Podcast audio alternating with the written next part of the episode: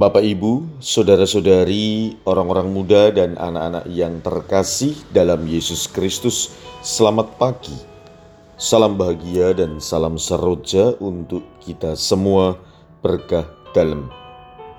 Bersama dengan saya, Romo Antonius Garbito Pambuaji, menyampaikan salam dan berkat Allah yang Maha Kuasa dalam nama Bapa dan Putra dan Roh Kudus. Amin.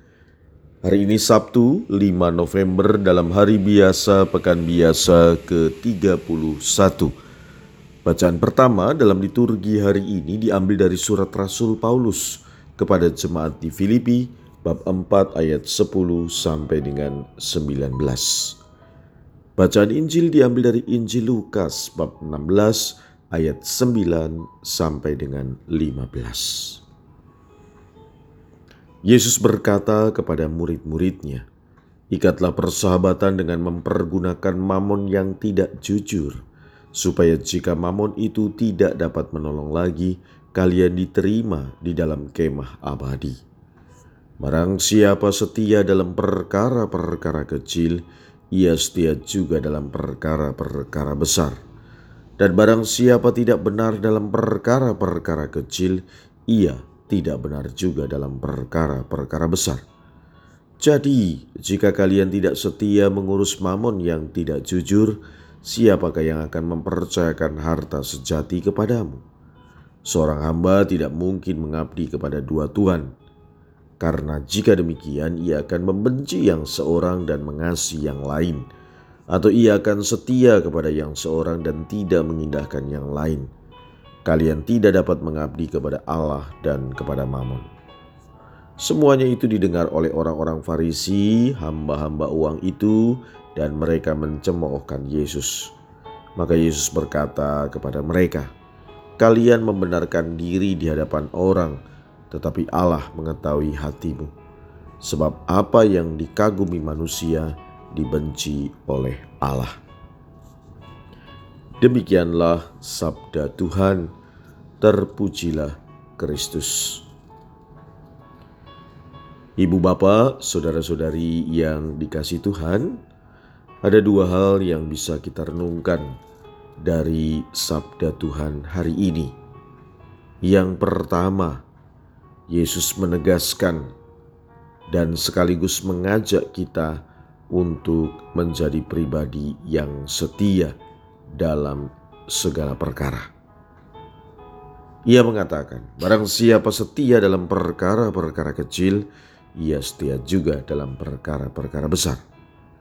Dan barang siapa tidak benar dalam perkara-perkara kecil, ia tidak benar juga dalam perkara-perkara besar.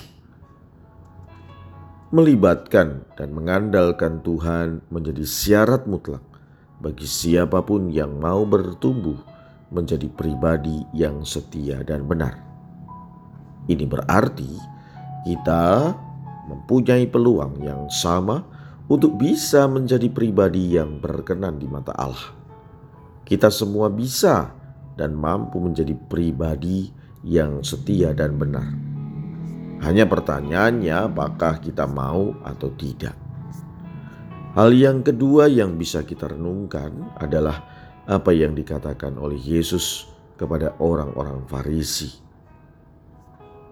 Kalian membenarkan diri di hadapan orang, tetapi Allah mengetahui hatimu. Apa yang dikagumi manusia dibenci oleh Allah. Apa maksudnya? Apa contohnya? Misalnya, kita selalu membanggakan diri, kita selalu mengandalkan diri sendiri tanpa mau melibatkan Tuhan dan sesama. Inilah gambarannya. Selalu mau membenarkan diri di hadapan orang, tetapi Tuhan tahu apa isi hati kita. Maka marilah saudara-saudari yang terkasih, belajar dari sabda Tuhan hari ini, kita mau menjadi pribadi yang setia, kita mau menjadi pribadi yang jujur, dan kita mau menjadi pribadi yang senantiasa mengandalkan Allah. Marilah kita berdoa. Ya Allah, kuatkanlah kehendak kami untuk selalu mengandalkan Engkau dalam setiap langkah hidup kami dan senantiasa menjadi pribadi yang setia dan jujur.